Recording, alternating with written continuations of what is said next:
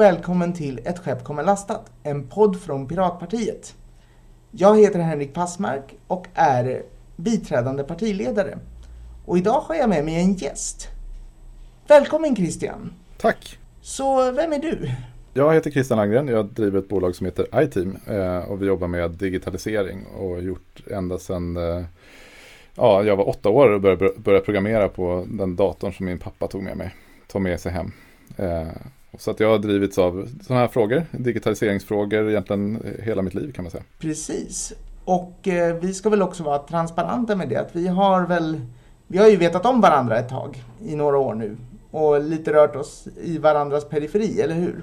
Precis. Vi träffades väl på, ett, på Hack for Sweden för ganska många år sedan. Så att, eh, sen dess har vi ju lite grann rört oss i den här hackathon eh, kollaborativa kretsen kring IT och digital utveckling båda två. Precis. Och varför är du här idag då? Ja, jag tror att jag är väl här idag för att jag har uh, tagit initiativet till att bygga en, ett, en app som heter Öppna skolplattformen. Eh, som ja, är till för att göra ett medborgarinitiativ egentligen för, för att underlätta för föräldrar i, i Stockholm framförallt eh, med deras information med, eh, kring barn och skola. Precis. Och skälet till att jag tyckte det kunde vara intressant att ha en podd om det är ju att vi vi gillar ju den typen av verksamhet. Vi tycker vi är liksom ja, men som rörelse sprungna lite ur samma mylla får man väl säga. Alltså det här med medborgardriven digitalisering och öppen källkod och sånt där. Men mm. det är ju inte, frågan är ju naturligtvis större än så. Det är ju liksom en nationell angelägenhet eh, kring hur, hur, hur egentligen offentlig digitalisering ska gå till. Så det, det handlar ju inte bara om ett parti, utan det är ju en, en, eller så. Utan det är ju en stor fråga och jag vet att man har ju liksom från åtminstone vissa håll pratat om det här på bred front och det är ju tur det. Men det har ju varit lite turer kring det här. Så att jag tänkte börja med att fråga, vad är det ni har gjort egentligen, rent så här tekniskt och varför? Ja, Um, precis, Nej, men det vi har gjort är att vi har gjort en, en app då som lägger sig ovanpå uh, den befintliga skolplattformen uh, och läser samma information som den webbläsaren du har i datorn uh, och visar det på ett annat sätt egentligen. Um, så att den um, och, och rent, rent, tekniskt så är det en app då som ligger på App Store som man kan ladda ner och eh, all källkod till den är eh, också öppen. Så att eh, redan från början så har vi lagt ut allting så att alla som vill titta på den kan göra det och alla som vill hjälpa till kan göra det. Men också så har vi för att också undanröja misstankar om att vi skulle kunna liksom läsa någon information själva av den informationen som den här appen visar så ligger då källkoden öppen av den anledningen också. Så vi hämtar ingen information åt oss själva utan vi har byggt ett verktyg som alla användare av skolplattformen kan använda sig av. Och det verktyget arbetar mot webbgränssnittet på skolplattformen i princip, eller hur? Ja, precis. Exakt. Och, och koden finns på GitHub. Mm, precis. Um, det, ju, det, finns ju en liten rolig aspekt på det här och det är, om jag, om jag nu har förstått det hela rätt, att, att um, ni har skapat en organisation som står bakom den här appen som heter No Free Beer, eller hur? Handelsbolag. Ja, exakt. Och eh, kan du berätta lite varför ni valde det namnet?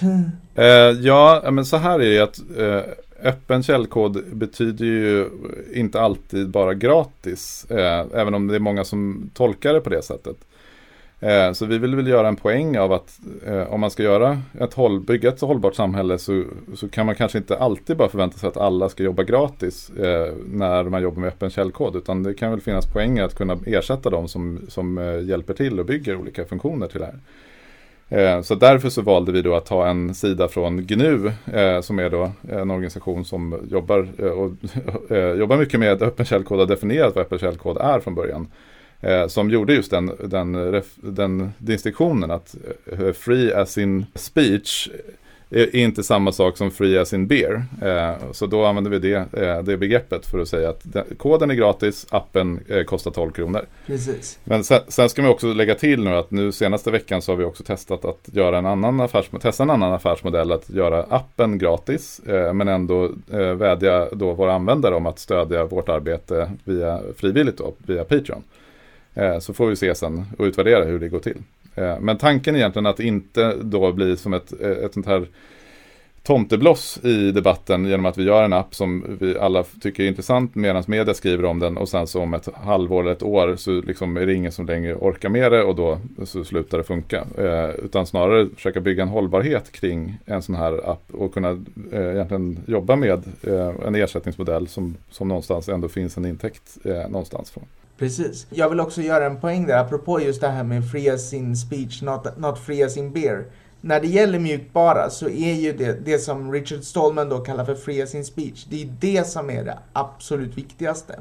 Mm. Jag, har, jag har både liksom, jag använder både gratis free as in speech mjukvara och free as in speech mjukvara som jag har betalt för. Mm. Men det viktiga är, jag kan om jag vill och förstår mm. se vad som görs. Jag mm. kan ändra på det som görs.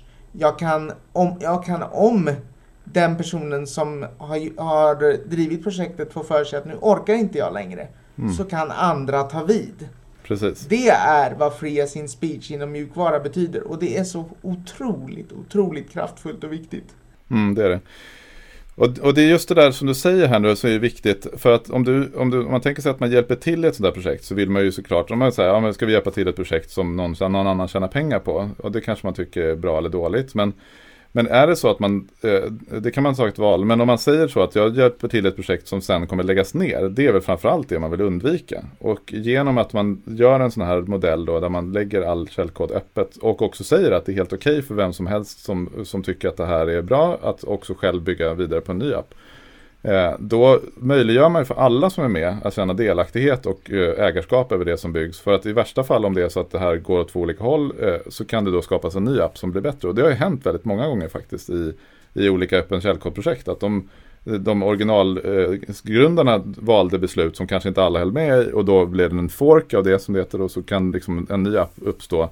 Och ofta så kommer de ju där tillbaka efter ett tag ändå. Men, men det är en frihet egentligen som garanterar för alla som engagerar sig att deras jobb inte kommer vara förgäves. Ja men visst, och en sak som också är viktigt att poängtera tänker jag, eh, och som jag tror att de flesta inte känner till, att väldigt mycket mjukvara som varje person använder idag, alltså de flesta webbläsare, har, har någon gång börjat som helt öppen källkod. Alla webbläsare som finns idag är baserade på öppen källkod. Jag tror inte det finns någon som har en stängd källkod. Nej, nej, nej de, är, de är baserade på öppen källkod men, men hela webbläsaren är inte alltid öppen. Liksom. Uh, jag tänker på typ Google Chrome. Det finns ju proprietära delar i Google Chrome mm, till exempel. Mm. Men absolut. Uh, alltså, så att det här är liksom, det är mycket mer närvarande i vår digitala vardag än vad jag tror många människor kanske framför allt inom liksom svensk allmänhet tror. Lite grann det tråkiga här är ju att man åtminstone från offentlig, offentligt håll i Sverige fortfarande behandlar det här som någonting apart. Mm. Och då kommer vi väl osökt in på nästa fråga. Hur har det här tagits emot. Det har ju varit minst sagt blandade reaktioner lite beroende på vem man frågar. ja. Kan du utveckla? Eh, precis, man kan väl börja den roliga delen då. Att när vi släppte den här appen då 12 februari så var vi väldigt nervösa för hur det skulle tas emot. Eh, för att vi tyckte väl att här, vi har byggt någonting som är användbart för oss själva men vi visste egentligen inte hur bra det skulle funka för någon annan som använder den här appen. Men och om de skulle tycka, tycka att det vi har gjort var någonting att ha överhuvudtaget. Så att, men vi blev jätteglada att direkt så gick den upp till, till på topplistan över mest sålda appar eh, på App Store. Eh, och eh, den fick ett medel, medelbetyg på, jag tror 4,8 eller något sånt där på App Store. Att då jämföras med den vanliga skolplattformen som har en, ett genomsnittligt betyg på 1,1. Jag tror att det är den liksom, sämsta betyget någon app har överhuvudtaget på App Store just nu. med så många reviews. Jag vill bara påpeka två saker där, apropå det du säger. Det, det, den har alltså 642 separata betyg på App Store vad jag har kunnat se. Mm. De allra flesta är runt ett och många gör också, eh, de, de känner sig nödgade att kommentera att de hade gett lägre om det, om det hade funkat. Så att eh, 1,1 är nog en överskattning. ja. Ja, så är det ju. Nej, men den, är ju, den, har, alltså, den, den gamla appen eller den befintliga officiella appen den är ju, eh, och hela systemet är ju väldigt hatat. Eh, och, eh, och av goda anledningar för att det funkar så pass dåligt och är ett totalt oanvändbart system. Och det var också anledningen till att vi började eh, bygga det här överhuvudtaget. För att det, det, är, det är alldeles för svårt faktiskt att hitta den informationen som man som förälder faktiskt är, är nödvänd, är nödvändigt för oss att ta del av. Eh, så, men, så det, här, det, var väl liksom den första, första då reaktionen som fick eh, från allmänheten att vi är på rätt väg och, och, man gillar det vi har gjort och det var ju fantastiskt. Eh, så. Sen så den andra reaktionen vi fick var väl från staden då, de som har eh, upphandlat och byggt den här appen eh, och systemet. Eh, de var väl inte lika glada över vårt initiativ. så att eh, eh, de gick ut i media och började på direkten och säga, säga att det här kan vara olagligt och eh, tillsatte en utredning eh, där de internt då tittade på juridiken, försökte vad vi förstår hitta anledning till att, att faktiskt stänga ner den här appen. Ehm, och eh, det försökte de med. De gjorde ett antal olika eh, ja, tekniska förändringar i sitt system då, som var till för, bara för, till för att störa ut vår app. Eh, och sen så när inte det funkade, eh, för vi gjorde ju bara förändringar då i vår app, så någon timme senare så började vår app funka igen. Eh, så när inte det funkade så har de då valt att polisanmäla oss som ett sätt att försöka Eh, vad de själva säger är att, att de behöver få hjälp att reda ut vad det är som gäller. Eh, men vi tolkar det nog snarare mer som ett, som ett eh, ja, vad ska man säga, en, ett, eh, ett, lite skrämseltaktik för att försöka se till att vi stänger ner appen helt enkelt. Alltså i sammanhanget tycker jag det är värt att säga att det är lite oklart vad det här åbäket till app och system faktiskt har kostat. Men det mesta tyder på att det är en bra bit över en miljard sedan 2013. Mm. Eh, och startbudgeten var då alltså 695 miljoner. Mm. Det är jättemycket pengar för ett sånt här projekt. ja. Alltså, det, vi, vi, vi hittade en uppgift alldeles nyligen att Indien precis skickade en satellit till Mars för mm. en femtondel av den kostnaden. Bara för att sätta saker lite grann i perspektiv. Mm. Och det som är lite extra tråkigt med det här tycker jag, det är att skolplattformen inte är ensam eh, mm. när det gäller den här typen av, av liksom misslyckade offentliga IT-projekt. Mm. Det, det är möjligen, Stockholms skolplattform är möjligen ett av de mest flagranta mm. eh, fiaskorna, men det är ju i, på, på inget sätt ensamt.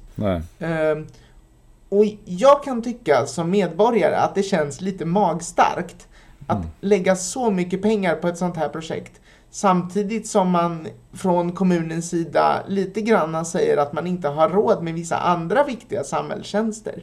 Mm. Eh, typ liksom skär ner på speciallärare och sånt där. Mm. Ja, det var... jag, jag, jag har svårt att bara liksom svälja det. Mm. Eh, och det är väl inte så konstigt. Men det jag vet, vi har ju pratat lite om det där eh, mm. och, och är ganska överens om att det här går ju, det går ju att göra sånt här på andra sätt. Mm. Eh, som är mycket mer tidsenliga.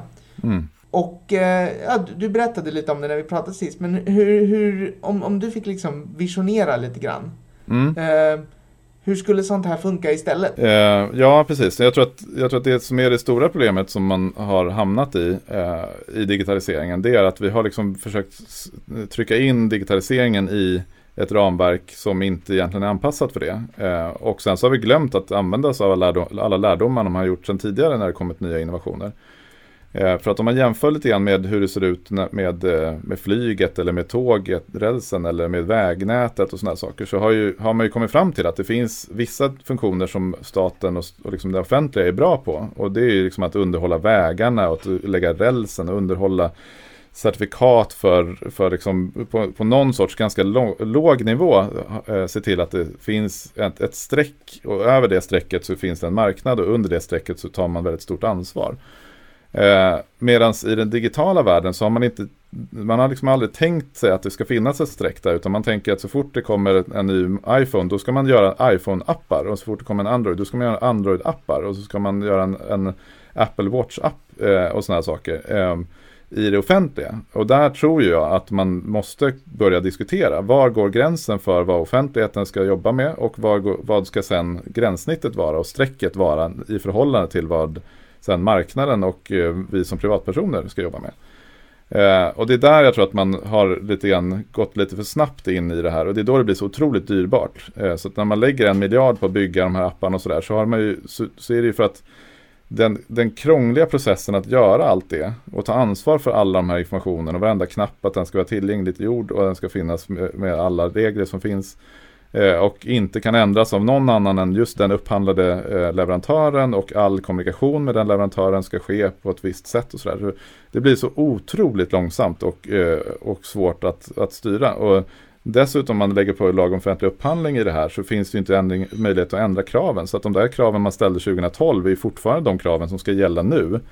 Och däremellan så har det kommit TikTok och Instagram och, och iPhones och, och, Apple Watches och Siri och Alexa och allt möjligt. Som ju gör att vi som människor förändrar våra krav. Eh, så att jag tror definitivt att man måste våga eh, tänka lite större och, och, också börja diskutera vad går gränsen för offentliga och sen så hur kan man säkerställa att man jobbar mer med öppen källkod eh, med öppna API och samverkan med, med olika aktörer som på olika sätt kan tänka sig att jobba eh, tillsammans med offentliga. Jag tycker att det är intressant att du nämner just det här med vägar, järnväg och broar. Mm. Jag har nämligen en, en kusin som har jobbat med infrastrukturpolicy och utredningar och sånt. Och det som blir tydligt där är att när man, när man bygger en sån grej, och det är ju staten ganska van vid, då, då bygger man det för att det ska förändras relativt lite. Mm. I regel så betyder en förändring i en bro någonting negativt. Alltså mm. det betyder att den faller samman. Och man bygger det också för att det liksom ska hålla mm. i en mindre evighet. Mm. Och, det, och, det, är helt korrekt i de sammanhangen tycker jag. Mm. Eh, problemet är att digitaliseringsprocesser är, otroligt, de är så otroligt snabba. Det mm. händer så otroligt mycket. Och både du och jag vet ju att den här förändringstakten, den accelererar ju. Mm. Eh, vilket innebär att har man samma filosofi när man bygger den typen av system så mm. blir de omoderna över en natt. Mm. Och det funkar liksom inte. Nej. Så att där tycker jag att det offentliga, man måste liksom anamma processer och tillvägagångssätt som ger en helt annan möjlighet till dynamik och snabbrörlighet. Och det är man mm. inte alls van vid. Eh, samtidigt har man ju fattat stora delar av det här i en del av våra grannländer. Mm. Eller åtminstone länder i våra närområde. Mm. Eh, I min uppfattning i alla fall. Att eh, Finland har till exempel valt en helt annan approach till det här med öppen data, öppen källkod. Det är också ett begrepp som vi inte har nämnt. Vi har ju pratat om öppen källkod, det här med att ni finns på GitHub till exempel och att vem som helst kan titta på koden. Mm. Men man har ju också en rörelse som jag vet att både du och jag har petat på med det här med öppen offentlig data. Mm. Uh, och det, fin det, finns ju en del svenska myndigheter som har kommit en bit där till Lantmäteriet. Men mm. man skulle kunna komma så mycket, man skulle kunna göra så mycket mer tänker jag. Eller mm. vad tror du? Ja, Nej, men absolut. Och det, och det är precis det jag menar här nu. Att, att man har lagt liksom, man har spett ut den här, de här budgetarna man har till att göra alldeles för mycket. Jag tror att om man skulle ta en mindre budget och lägga den på att göra den del som verkligen är nödvändig att myndigheter gör bättre. Eh, det, det är just på öppna API och öppen data. Eh, för att i grund och botten så är det det vår app använder sig av. Det är information som kommer från offentligheten. Och det, det, finns ingen annanstans som jag kan hämta den informationen. Den ska vara verifierad, den ska vara säker och den ska vara eh, kontrollerat att det är just jag som begär ut den här. Och det är otroligt viktigt att, att myndigheten verkligen kan ha koll på de här sakerna. Men där har, ju, där har man ju då i Stockholms stad inte riktigt haft koll på det. Och jag gissar att det beror på att man har haft liksom lite för mycket fokus på både att göra det gränssnittet snyggt och användarvänligt sådär. Eh, samtidigt som man ska underhålla ett säk- eh, bygga ett säkert system. Så man har liksom inte fått varken det ena eller det andra. Eh, men så att jag tror att absolut att man ska liksom göra de här långsammare processerna och saker som inte ändras sådär jättemycket. Jag tror, inte, jag tror egentligen inte att i grund och botten att om 50 år att, att det kommer vara så att man har något annat än ett schema för, ska, för barnen. Liksom. På något sätt finns det nog ändå något schema för barnen. Det finns säkerligen något behov av att informeras i någon sorts veckobrev liknande variant. Och de har säkert en matsedel om 50 år också. Eh, så att, att bygga och ta en investering att säkerställa att man gör ett bra, en bra standard och ett bra API för att säkerställa att både lärare och föräldrar och elever får får liksom ett, ett säkert och tryggt och bra sätt att få just den informationen. Eh, det tror jag att man kan göra med någorlunda traditionella processer. Men att bygga de gränssnitt, jag tror att på fem, de här 50 åren så kommer vi säkert ha bytt appar och gränssnitten nu när vi hämtar det här kanske eh, 20 gånger eh, under tiden. Så att, det är liksom, så att man får prata om att vissa delar av det här behöver en väldigt snabb process och vissa delar kan man faktiskt tänka lite mer långsiktigt på. Jag, jag tror att det också handlar om just det här att man Alltså att man måste göra väldigt skillnad på det här som vi, ja men, eh, människor som är inom din bransch kallar för back-end och front-end. Mm. Eh, för det, för det, det som du pratar om när du säger liksom, ja men det här gränssnittet ni har byggt till exempel. Mm. Det, det finns ju på den nivån där, eh, där tekniken interagerar med människan. Mm. Eh, och det är där det sker, alltså det är ett område där, det sker, där, där förändringarna sker snabbt. Mm. Medan det här andra som du pratar om, det är liksom, ja det ligger, ja men, nu vet jag inte exakt hur det ser ut i skolplattformen fall, men säkerligen så ligger eh, liksom informationen i någon slags SQL-databas till exempel. Kan man Mm. väl Säkert. tro. Nej, det gör det inte. Eh, den informationen som finns där, den ligger i massvis med olika system. Och det är därför som det blir så pass komplext. För de har ju köpt upp ett schemasystem från någon och de har köpt upp ett eh, system för, för att lagra eh, då, eh, vad heter det? Eh, olika typer av betyg och sådär från ett annat system. Och det de egentligen ska göra här då, det är att de ska ha ett system, som, eller ett gränssnitt, ett API då, som samställ, sammanställer all den här underliggande informationen på ett sätt. Så att den, de, de och det är där man kan säga att de har en backend. Allt som ligger bakom det kallas för backend och allt som, som ligger ovanför det eh, kallas för frontend. Eh, så att de om staden och det offentliga kan bli bra på att bygga backend och säkerställa att informationen där finns på ett bra sätt och sen så har man ett väldigt tydligt gränssnitt då. Det är gränssnittet som kallas för API. Eh, om det gränssnittet blir väldigt bra, eh, då kan man eh, sen bygga frontend ovanpå det API. -et. Och det är egentligen så det ser ut. Eh, och det här kan man ju då jämföra med eh, att man har standarder på olika saker i, i den vanliga världen också. Att du, om du har Eh, om du har eh, eh, Polismyndigheten så har man ett pass. Eh, eller, eh, och, och, eller, och ett pass är en standard som, all, som man kan använda sig av oavsett hur varje land hanterar sina interna databaser och strukturer för folkbokföring och sånt där. Så är ju passet motsvarigheten till ett API. Ett, ett, ett sätt där man skriver information på ett visst sätt så att man kan jämföra dem med varandra och att det är enkelt för vem som helst som ser ett pass att kunna liksom jämföra och, och kontrollera de uppgifterna som finns där. Eh, så att det handlar om att hitta de här gränssnitten och väldigt tydliga gränssnitt. Och, och, det tar ett tag innan man landar i vad som är ett bra gränssnitt. Men om man har en process för att jobba med de gränssnitten då eh, klarar man av att göra det där på ett bra strukturerat sätt. Om man inte klarar av det då blir det väldigt osäkert för alla och det blir väldigt dyrbart för alla. Och man måste byta de här gränssnitten vilket gör att alla applikationer som körs ovanpå de gränssnitten också måste bytas ut. Jag tänkte också ett sånt där begrepp nu, det, det blir ju så att man får spränga in lite pedagogik men mm. du, du pratar om ett API. Jag, jag är inte säker på att jag har förstått vad ett API är men som jag har förstått det så mm. är det liksom att det vi ser när vi tittar på, när vi, när vi liksom tittar på Word eller App Store eller vad som helst det är det man brukar kalla för GUI, alltså eh, använd, användargränssnittet. Mm. Medan ett API är liksom ett gränssnitt för maskinanrop.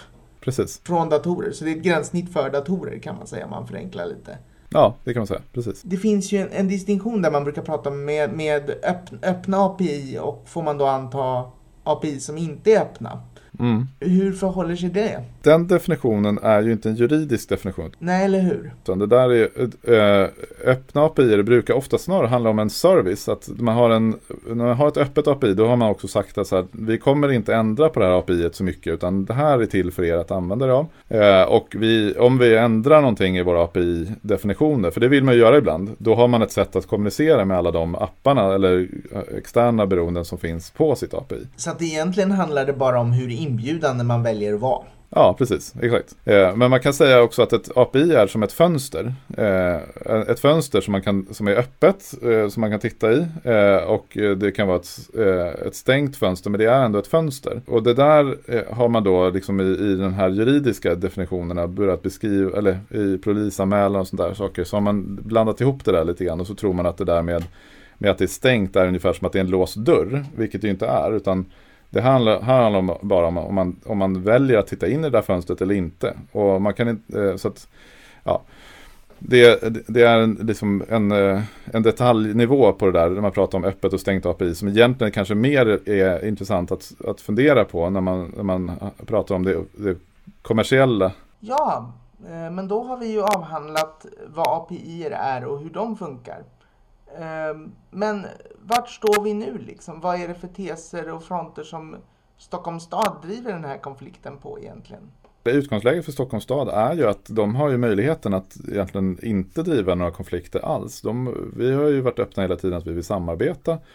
Eh, och lämnat fram ett förslag att ni kan ta ett myndighetsbeslut och tillåta att den här appen finns och bara så länge ni gör egentligen samma sak åt alla då som är intresserade av att göra på samma sätt som vi så har ju de full möjlighet att göra det utan att göra någon upphandling av oss eller sånt där som de ibland hänvisar till. OSL. Eh, men det har de då valt att inte göra utan de har då valt att eh, öka konflikten och eh, de har gjort det då på tre olika sätt. Det ena är ju att, att inte lämna ut dokumentationen för jag har ju begärt att få ut dokumentationen av det här API. Då. Och det gjorde jag redan i december förra året. Men det har de då valt att sekretessbelägga enligt 18.8 tror jag det är i ja, den här juridiken, i OSL, ja precis. Eh, och sen så har de då tagit ett beslut om det eh, och det beslutet har vi eh, överklagat. Så att nästa steg för vår del är att få tillgång till den dokumentationen eh, och, och, där kommer det nästa steg vara i kammarrätten. Eh, så där håller vi på att ta fram ett eh, eh ett förtydligande då, ett klargörande av eh, hur vi ser på det här. Eh, och ehm, Eh, och det är ändå så att det är en allmän handling eh, som det här API eh, är. Själva dokumentationen är ju en allmän handling och de hävdar ju som att eh, det finns en någon sorts sekretess på själva dokumentationen i sig. Vilket eh, antingen skulle betyda att de har, inte har någon säkerhet i själva den tekniska säkerheten. Utan att allting bygger på att det är liksom en hemlig dokumentation och att det är där liksom säkerheten sitter. Och det skulle vara ganska anmärkningsvärt i så fall. Eh, eller att, eller att um, de helt enkelt bara inte vill se att vi, eh, vår app finns där. Att de använder då i så fall den här typen av uh, sekretess på felaktigt sätt. Uh, egentligen. så att där tror vi då att de har ett säkert API, det kan vi se. Och de har en dokumentation, det har vi fått bekräftat, den är upphandlad. Eh, men de väljer ändå att inte göra den tillgänglig då till oss. Eh, och det, det är väl det vi tror eh, egentligen är nästa steg då, att de faktiskt fri, den, tillgängliggör den här API-dokumentationen till oss. Då. Så det är väl en front då som är igång och sen så har de då sin polisanmälan som är gjord då mot oss och där de då försöker säga att vi gör någon sorts dataintrång när vi hämtar information om våra barns scheman och gympapåsar. Eh, som vi då har rätt till att läsa om vi loggar in med en webbläsare eh, med vanlig Google Chrome eller sånt där. Men när man loggar in med vår webbläsare då skulle det innebära att man gör någon sorts datorintrång eh, i det. Då, eh, vilket är ganska märkligt i sig. Eh, och sen rör de till det ganska mycket i sin utredning där de blandar ihop olika saker. De säger att vi har publicerat en dokumentation som är hemlig då, eh, som de säger. Men samtidigt så har, har, säger de att vi inte har fått tillgång till den dokumentationen så det är svårt att svårt att liksom egentligen veta vad de menar med det. Eh, så att antingen har de lämnat ut en dokumentation och i så fall är det en allmän handling eller så har de inte gjort det och då kan vi inte vi ha avslöjat den i så fall. Så det är ganska märkligt att de gör den typen av eh, argumentation i en juridisk utredning. Och de, och de flesta eh, juristerna jag pratat med och jag har blivit uppringd av ganska många eh, alltså väldigt kända experter inom det här området som blir upprörda när de läser den här eh, utredningen och, säger att, och undrar också vem det är som har skrivit den överhuvudtaget. Eh, vilket vi också begärt ut och försöka, försöka få reda på vem på staden som faktiskt har skrivit den här dokumentationen och står bakom den. Och det är ingen som vill kännas vid det. Eh, så de hänvisar bara till att det är en, en promemoria som ingen ska då, eh, ta ansvar för. Eh, men polisanmälan vet vi är, är signerad av, av Lena Holmdahl som är ut, utbildningsdirektör då, eh, för utbildningsförvaltningen. Alltså det här är ju otroligt spännande. Mycket av det här visste ju inte jag och hade du sett mig nu så hade du sett mig sitta och spärra upp ögonen. för att, att, alltså, jag, jag har ju jobbat, jag jobbar ju med sådana här frågor till vardags. Jag, jag har ju en hel del kunskap om hur OSL faktiskt funkar även om jag inte är jurist för det är ett av mina arbetsverktyg. Och när jag hör hur man pratar kring det här så blir jag ju minst sagt bekymrad. För, för jag hade aldrig kunnat, alltså hade jag betett mig så här i relation till OSL på jobbet så tror jag inte att min arbetsgivare hade blivit så glad. men, det, men det vet jag förstås inte. Det som gör mig förvånad här lite grann är att det finns ju ändå ett eh, prejudikat. Det fin eh, vi, vi har ju pratat lite om det men jag letade upp det för några veckor sedan där, eh, jag tror att det var Helsingborgs kommun, men jag kommer inte ihåg, det kan ha varit någon annan också. Som hade skapat ett automatiserat beslutsstöd för socialbidrag. facket var då lite tveksamt till, facket för då socionomerna var lite tveksamt till hur den här algoritmen faktiskt fungerade. Så man begärde ut den, alltså källkoden som offentlig handling. Eh, då, då, försökte man skydda den med hjälp av affärssekretessen. Eh, eh, vilket då domstolen kom fram till att det höll inte. Källkod är kod, är text, är offentlig handling. Så enkelt var det. Eh, så då fick man ut det. Som kuriosa kan jag säga att då visade det sig dessutom att någon hade hårdkodat in personnummer i den koden. Eh, och man, lä man lämnade ut den då. Det var ju inte kanske, alltså så att det var rätt mycket som var tokigt gjort från mm. kommunens sida även där. Men jag tror att i alla de här fallen så tror jag att det handlar egentligen kanske inte om illvilja lika mycket som om okunskap. För jag tror att, det tror jag också, det är jag övertygad om. Jag tror ju att det finns eh, en, en, del av det här tycker jag ändå man kan liksom lägga på oss i allmänheten. Att vi har faktiskt inte ställt krav på våra politiker att kunna eh, de digitala frågorna. Nej, du har helt rätt. Och ändå så har vi liksom eh, ja, myndigheter och tjänstemän som förvaltar system som är uppköpta för flera miljarder. Eh, och som kanske inte riktigt alltid har den kunskapen. Och de blir tillsatta av personer som inte heller har kunskapen om vad det, här, vad det är för frågor de, de faktiskt hand, eh, upphandlar. Ja, ja, nej men så är det ju någonstans så tror jag att så det här vi har pratat om med API och sånt där, det kan man tycka är en, det, det, liksom en, en liten petitessfråga. Men det är ungefär som att säga att nu när vi ska ha liksom rinnande vatten i alla lägenheter i ett hus så är det liksom ingen som bryr sig om att ha liksom en lagstiftning och att det ska finnas koll på standarder och liksom ordentlighet vad gäller VVS-frågor. Bara för att ingen bryr sig om liksom hur VVS-systemet ser ut så ska man liksom strunta i det. Så vi måste ju ställa krav på på kompetensen och ledarskapet att vi faktiskt har koll på de här grejerna. Och att vi nu, vi, nu hamnar ju vi liksom som privatpersoner i kläm för att vi har både ett rättssystem tror jag som inte riktigt har koll på de här, de här skillnaderna, vad ett API är. Och vi han, han, behöver hantera liksom en myndighet som sitter och, och, famlar med information om saker som de allra flesta i liksom den digitala branschen och som experter och som är säkerhetsexperter eller dataexperter eller överhuvudtaget bara programmerare och utvecklare. De flesta som sitter, vi har ju programmerare i det vanligaste yrket i Stockholm. Så att det finns ju all, varenda människa som sitter och använder sig av de här skollapparna har ju liksom frustrationen är inte bara att det är dåligt byggt och sådär utan det är också för att man vet hur enkelt det är att göra, göra rätt. Och ändå har man inte gjort det. Men det ska man ju också nämna, alla ni som står bakom det här, eller i alla fall de allra flesta, har ju liksom barn i skolåldern. Ja, så är det ju. Många har i alla fall.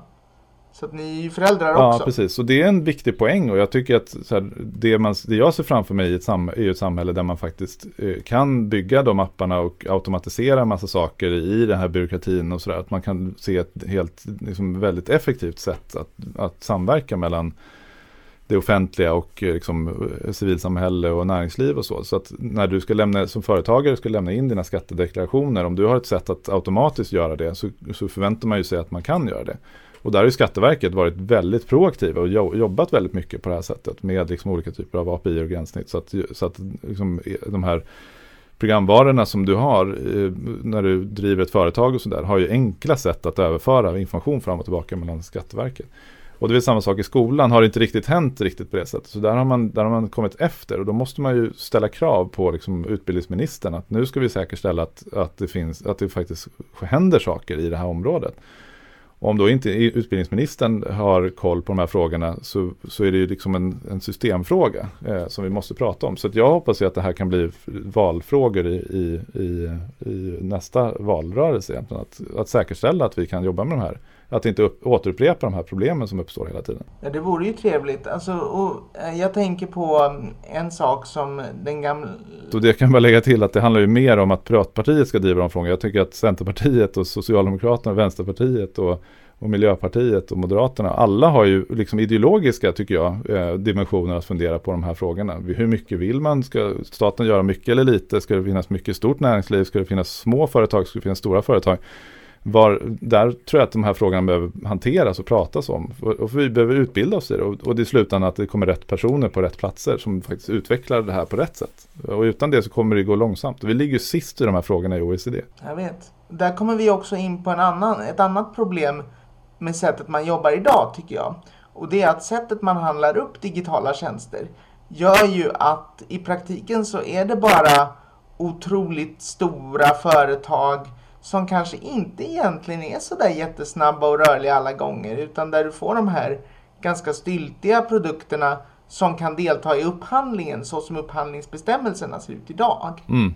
Um, och, och, det är lite så här, det där går igen på flera ställen i politiken. Nu sidetrackar vi lite, men det är lite samma sak som man har gjort med coronastödet där man i mångt och mycket offrat småföretagarna. Mm. Och det, det, alltså man, man har ju fortfarande en idé i svensk, liksom, ja man får kalla det industripolitik, att det mesta värdet genereras av stora företag. Men jag tror inte att det är så idag riktigt på det sättet. Nej, Nej så är det verkligen inte. Framförallt inte i den här sfären.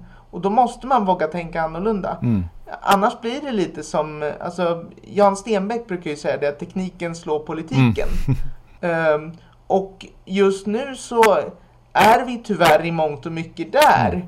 Men utan att ledarskapet hängt med alls. Mm. Och då får man, då får man, man får otidsenliga bestämmelser, bestämmelser som trots goda intentioner slår fel och bestämmelser som liksom, de, de, de skapar inte den nytta som skulle behövas. Nej. Och jag menar som jag brukar säga apropå det du sa, det finns ju flera piratpartister som säger det att egentligen så skulle vi önska att vi var onödiga. det sa ju våran grundare att han, hans mål var ju in i riksdagen, fixa allt som är fel och sen lägga ner. Mm. Och så ser det väl inte riktigt ut idag, men, men jag skulle önska att vi var onödiga, men jag ser inte riktigt att vi är det idag. Nej, precis. Nej, men det, det är viktiga frågor och, och de här, eh, det du nämner här med liksom stora och små företag har ju grund och botten med en, en, liksom, en en, en systemanalys eh, av vårt sam, vår samtid som har saknats egentligen eh, att göra. Och, och det är att vi har gått ifrån ett industriellt samhälle där vi har liksom haft ganska bra koll på läget. Vi har, liksom, vi har byggnormer och vi har, eh, vi har bestämt oss för hur liksom, breda liksom, vägar ska vi ha och, och hur, hur, högt upp ska el, eluttagen sitta och sådär. Vi vet hur vi bygger vårt samhälle i den fysiska miljön. Eh, Medan eh, sen har vi gått in och över till ett digitalt samhälle och det har ju hänt accelererat något otroligt mycket bara det senaste året med, med, eh, på grund av corona. Eh, och som ju har tvingat oss till att göra, leva på ett helt nytt sätt på många sätt. Eh, och då, vi liksom, då blir de här frågorna aktualiserade på, i, i, liksom, i mycket snabbare takt. Hur vi ska faktiskt hantera vår digitala infrastruktur eh, där vi inte har så mycket standarder. Och i den, i den förändliga tid som det är så måste man nog våga liksom pröva sig fram lite grann eh, och inte stå och göra jättestora upphandlingar av helt nya jättestora system. Utan, eh, och där är ju marknaden och, och det småskaliga och vi, vi, små byråer som gärna hjälper till i de här frågorna, i de eh, här eh, komplexa utmaningar och sådär som har expertis inom det området. Vi blir som sagt, precis som du säger, inte inbjudna och där finns det ett jättetydligt exempel på det Eh, med eh, Riksbanken som ju nu ska ta fram en e-krona eh, där man har då gjort upphandling som eh, i slutändan led, har lett fram till att det bara är de största eh, konsultfirmorna som, som har fått möjligheten att vara med, med i det där. Eh, vilket vi tycker är jättesynd för vi, hade, vi har ju massvis med erfarenheter av blockkedjor och hur man bygger agila och komplexa projekt och, och har, har liksom metoder för, som verkligen funkar för den typen av komplex utveckling. Eh, där man faktiskt inte kan svara på alla frågorna och göra en stor upphandling utan man måste experimentera sig fram. Eh, och eh, där hade vi, hade vi kunnat komma mycket snabbare och mycket billigare fram till saker som, som verkligen användare hade kunnat få vara med och bygga och hela samhället och bankerna och hela finansiella systemet hade kunnat vara delaktig i den processen. Men nu har man valt att liksom lägga hos en stor leverantör som sitter i sin egen kammare och gör sina egna experiment och sen gör de en rapport om året. Och sen kan jag, sen kan jag garantera att om eh, tre år eller fyra år så kommer det stå där med en stor upphandling som också har fallerat och kostat en miljard. Det är lite spännande att du säger det. Jag, jag, har, också, jag har ju följt den, den processen också. Och föga förvånande kommit till ungefär samma slutsats. ja. Du nämner någonting viktigt där också som jag tror att det offentliga måste lära sig. Mm. Våga experimentera småskaligt innan man gör något storskaligt. Det är man inte bra på idag. Alltså jag, jag, vet inte om du är bekant med begreppet men jag skulle gissa det. För jag, för jag har plockat upp det på IT-sektorn där man pratar om fail fast. Mm. När man inte har alla svar, vilket man per definition inte kan ha i en värld som förändras oerhört snabbt. Då måste man, alltså man måste våga göra saker i liten skala för att ta reda på vad som funkar och inte. Och sen när man ska implementera det i större skala, mm. Då måste man i sin tur fundera på hur skalar vi upp det här? Det är också en konst i sig. Mm, det det. Men det där laborativa tänket har man saknat i offentlig Mm. sektor och det tror jag är synd. Även om man kanske inte har det själv så behöver man kunna möta det. Eh, Och, och liksom inte bara slå ifrån sig. Och det är man inte bra på. Vi brukar använda begreppen som kommer från eh, en, en metod som heter Knevin. Eh, det är ett krångligt ord, men eh, C-Y-N-I-F-I-N. Som pratar mycket om skillnaden mellan komplexa problem och komplicerade problem. Och, och, och enkla och kaotiska problem. Alltså man definierar problem i olika domäner. Och i varje domän så kan man beskriva olika egenskaper av ett problem.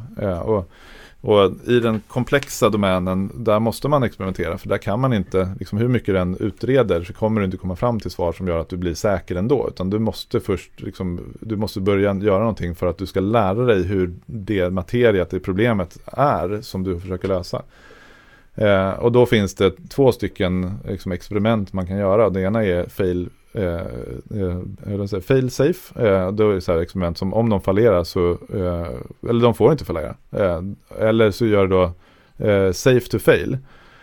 Och om du har ett safe to fail experiment då kan du i princip säga så här att jag vill eh, eh jag vill eh, experimentera med, med lunchmatsalen på ett universitet. Eh, och alla de som går till den lunchmatsalen får 100 kronor i e-kronor och sen så får de handla sin lunch. Eh, och fallerar det så i, värsta fall så får väl liksom, ja då får väl man, den som gjorde experimentet betala för luncherna. Det är inte så himla farligt men det är inte liksom, du sätter inte det här i händerna på hela svenska befolkningen samtidigt en tisdag. Eh, Så den typen av experiment skulle man gärna vilja se hända. Alltså att man experimenterar och kanske begränsar det och man kontrollerar det och man kanske utfärdar nya pengar som man experimenterar med, inte tar befintliga pengar som finns från det gamla systemet.